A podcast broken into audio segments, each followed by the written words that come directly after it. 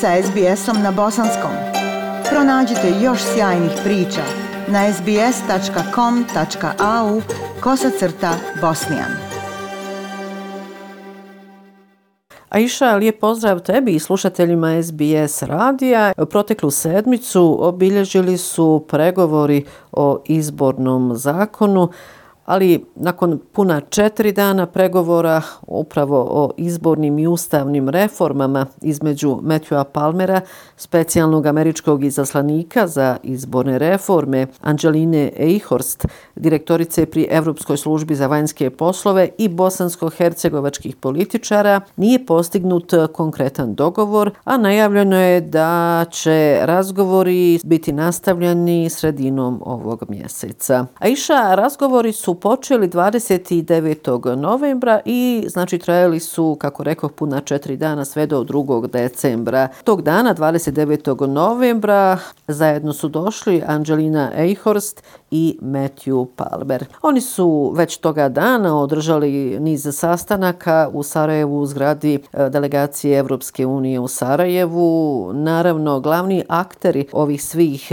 pregovora su e, lideri stranke demokratske akcije, Bakir Izetbegović i predsjednik HDZ-a Bosne i Hercegovine Dragan Čović. Osim njih, e, svakoga dana su upravo u zgradu delegacije Evropske unije u Sarajevu dolazili predstavnici predstavnici opozicionih stranaka iz Republike Srpske i iz Federacije, ali kako sam već rekla, razgovori nisu urodili plodom i bit će nastavljeni najvjerovatnije sredinom ovog mjeseca. I eto tog prvog dana, 29. novembra, novinarima su se obratili Angelina Eichhorst i Matthew Palmer. Eichhorst je poručila da je cilj ovih razgovora osigurati izbore naredne godine uz punu funkcionalnost institucija. Evo poslušaj poslušajte riječi Anđeline i Horst.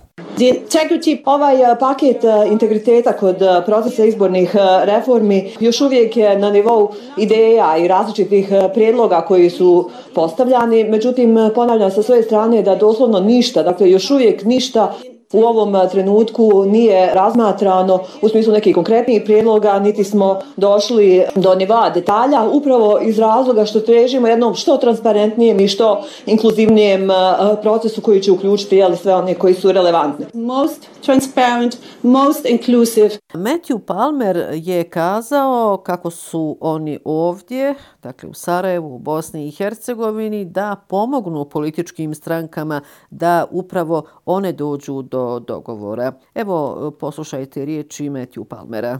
Mi smo tu da bismo e, predstavljali i zastupali bilo kakav plan ili bilo kakav projekat. Ono što želimo jeste, želimo pomoći političkim strankama da dođu do dogovora, želimo omogućiti da se ta dogovor postigne, da se postigne dogovor o izbornoj reformi i ograničenoj ustavnoj reformi koja je vezana uz to. Zašto? Da bi se došlo do poboljšanja funkcionisanja institucija Bosne i Hercegovine, njenog kapaciteta, da bi se provele odluke Evropskog suda za ljudska prava i Ustavnog suda.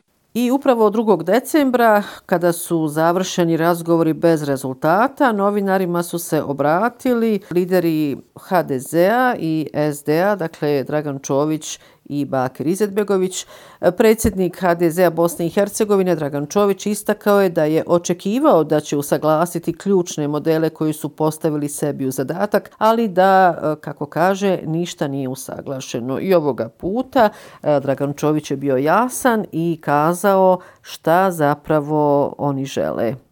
Znači, legitimno predstavljanje konstitutivnih naroda nema alternative za mene, odnosno za ovaj naš pregovarački tim. Ponudili smo vrlo jasna rješenja kada je u pitanju presude suda u Strasburu i Ustavnog suda Bosne i Hercegovine. Primjera radi, na listi za predsjedništvo, recimo iz federacije, gdje će biti hrvatski član predsjedništva, stoji, do sad je pisalo hrvatski član predsjedništva, pa ste imali imena. Mi predlažamo da bude hrvatski član predsjedništva i oni koji se ne zašnjavaju kao predstavnici konstitutivnih naroda. E, nakon Dragana Čovića novinarima se obratio i predsjednik stranke demokratske akcije Bosne i Hercegovine Bakir Izetbegović. I ovom prilikom Bakir Izetbegović je novinarima kazao. Dakle, radi se o jednom potpuno nejasnom principu i o jednoj nejasnoj formulaciji koju evo kako, kako želi tumači eh, gospodin Čović. Ja sam tražio ljude iz Venecijanske komisije da nam pojasne da li postoji neko ko nije legitimno izabran u Bosni i Hercegovini, nisam dobio odgovor. Kako sam već rekla, sastanak sa međunarodnim medijatorima su imali i brojni predstavnici ostalih stranaka u Bosni i Hercegovini i evo ovoga puta izdvojiću mišljenje, odnosno stav dvojice parlamentaraca. Evo, najprije poslušajte Damira Mašića, poslanika Socijaldemokratske partije u federalnom parlamentu lažne teze o legitimnom predstavljanju i pokušavanju implementacije toga i u federaciji na državnom nivou s naše strane sigurno neće dobiti podršku, a isto tako dobit će podršku sve ono što će učiniti od državnog entitetskog nivoa da bude funkcionalniji. Evo i stava poslanika Ujedinjene Srpske u državnom parlamentu Nenada Stevandića. Ono što mogu lično reći da se zaražemo svi za održavanje izbora. E, ovdje je najviše bilo poziva da se nastavi rad interesorne radne grupe jer je ovdje u pitanju političkog konsenzusa između entiteta, naroda, partija i dok se taj politički konsenzus ovaj, ne, ne uspostavi, svejedno je da li se izborna grupa, interesovna radna grupa sastaje ili ne sastaje. 29. novembra u Sarajevu je održana i hitna sjednica Doma naroda Parlamentarne skupštine Bosne i Hercegovine. Nakon više mjesečnog bojkota ovoga puta prisustvovali su i delegati iz Republike Srpske. Na sjednici se, pored ostalog, glasalo o zaključku kluba Srpskog naroda u kojem se traži da oni koji su kreirali Inckovu odluku o zabrani negiranja genocida istu i ponište. Međutim, osim političkih predstavnika Srba. Za ovo su glasali i HDZ-ovi delegati u Domu naroda, i to Dragan Čović, Marina Pendeš i Lidija Bradara. Ali s obzirom na to da su protiv glasali svi politički predstavnici Bošnjaka, kao i Zlatko Miletić, zaključak nije usvojen bez entitetske većine, pa je otišao na usaglašavanje. Tokom prošlog javljanja izvještavala sam upravo o rudarskom buntu i moram reći da su i ovdje pregovori između vlade i rudara trajali nekoliko dana, ali i pregovarački tim vlade Federacije Bosne i Hercegovine Hercegovine 1. decembra postigao je konačan dogovor sa sindikatom uposlenika u rudnicima u Federaciji Bosne i Hercegovine.